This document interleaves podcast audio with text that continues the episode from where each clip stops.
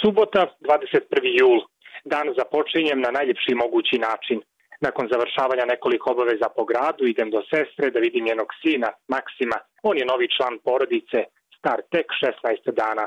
Tako sam postao ujak po treći put. Željno smo iščekivali njegov dolazak na svijet. I danas, kao i prethodnih dana, u medijima je glavna vijest izjava američkog predsjednika Donalda Trumpa u kojoj je naveo da su crnogorci agresivni i da bi lako mogli da izazovu treći svjetski rat. S obzirom da pratim njegov izjave svakodnevno, ovakav nastup me nije iznenadio.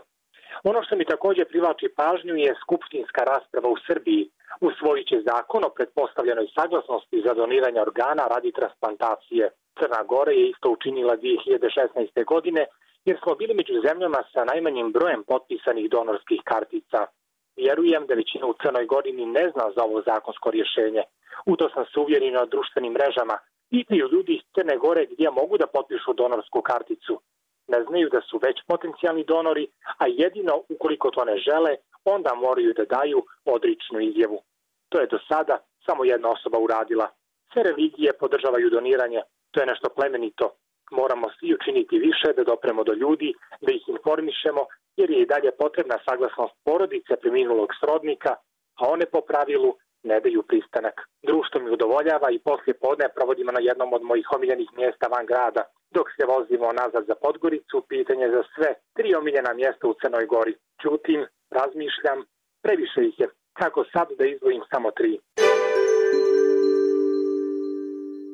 Nedjelja 22. jul. Ustajem jako rano i nakon kraće vožnje stižem u manastir Ostrog. Donji manastir ispunjen ljudima i tišinom, jutro kakvo čovjek može samo poželjeti. U nastavku dana, jaka kapa i čitanje nedeljnika. Pažnju mi privlači nekoliko intervjua i kolumni.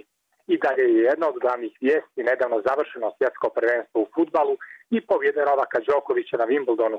Prisjećam se riječi legendarne novinarke Barbare Wolters. Sportske stranice su pune ljudskih uspjeha. Naslovnice su međutim pune ljudskih promašaja, a u mom poslu često moram da se bavim naslovnicama.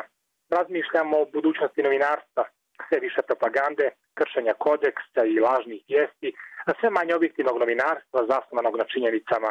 Može li novinarski esnaf biti jači i šta sa onima koji umjesto integriteta i principa biraju trenutnu korist? Kako su završili, baveći se ovako uzvišenim pozivom? Ima li boljeg načina za završiti dan nego glumom Viole Davis? Veliki minus mi je što sam tek noćas odgledao film Služavke, koji se odlično bavi pitanjem rasizma, na momente čak i komično. Ipak željno je iščekujem u novoj sezoni serije kako se izvuđe s ubistvom. Da, ne mogu ja daleko od prava. Ponedjeljak, 23. jul. Prvi neradni ponedjeljak posle dugo vremena. Međutim, dan kao i uobičajeno započinjem vijestima. Odjeknula je izjava srpskog patrijarha Irineja, koji je dan ranije boravio u Crnoj Gori na hirotonisanju episkopa Dioklijskog metodija, da je položaj Srba u Crnoj Gori sličan onome kakav je bio u NDH. Ne sumnjam da izjava ima veze sa namjerom vlasti da uskoro stavi u proceduru po drugi put zakon o slobodi vjeroispovijesti. Da li će i ovog puta vlada ostati pri radikalnom rješenju prema kojem bi najstarije crkve i manastiri iz crkvenog prešli u državno vlasništvo? Da li je to uopšte pravno moguće?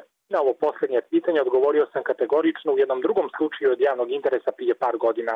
Da sam se prevario, jesam. Nakon ljetnjeg pljuska nešto se lakše diše, a to znači jedno, noćna vožnja biciklom. Utorak, 24. jul. Iza Tine stižu užasne vijesti. U požarima je poginulo više od 60 ljudi. Dok pratim razvoj situacije i borbu ljudi sa vatrom, pitam se koliko će pomoć brzo stići. Umijemo li s prirodom i da li će nam se osvetiti za sve što smo joj učinili. Veče provodim sa prijateljima iz branše. Diskutujemo između ostalog na temu da li je vrijedno otvarati ista pitanja iznova ako nas nadležni ignorišu.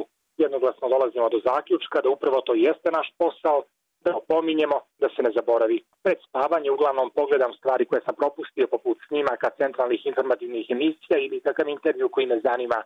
Naravno, tu je i Twitter, tako da sve to uporedo ide dok ne shvatim koliko me malo sati i sat čeka. Srijeda, 25. jul, buđenje u šest ujutru kako bih završio tekst i poslao ga kolegama na objavu. Jutro nastavljam Jungovom knjigom koju sam kupio još u aprilu u Beogradu i koja od sada čeka na mom radnom stolu.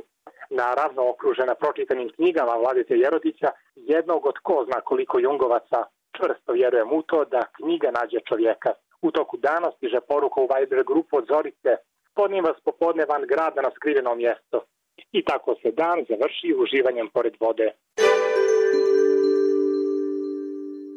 Četvrtak, 26. jul. Taman kad sam pomislio da ćemo imati politički monotono ljeto, Viši sud je donio odluku i naredio zatvaranje funkcionera Demokratskog fronta Milana Kneževića zbog odbijanja da svjedoči na najduže dva mjeseca. U isto vrijeme, vlada je jednoglasno podržala da Veselin Veljović bude izabran za direktora policije. Dan ranije, moja sagovornica je iznijela niz argumenata zašto je protiv njegovog izbora. Policija se suočava sa nizom neriješenih teških krivičnih dijela i mnogi nisu optimisti će uskoro biti rasvjetljeni. Srećom, prepuštam kolegama razvoj situacije i spuštam se do mora. Tokom vožnje razmišljam o nekim temama koje su mi već duže na čekanju.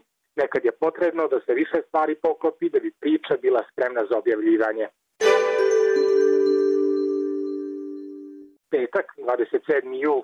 Budim se u zoru. Volim to doba dana, posebno ljeti. Čekam redakcije i susret kolegama posle desetak dana. A za vikend se već kuju planovi.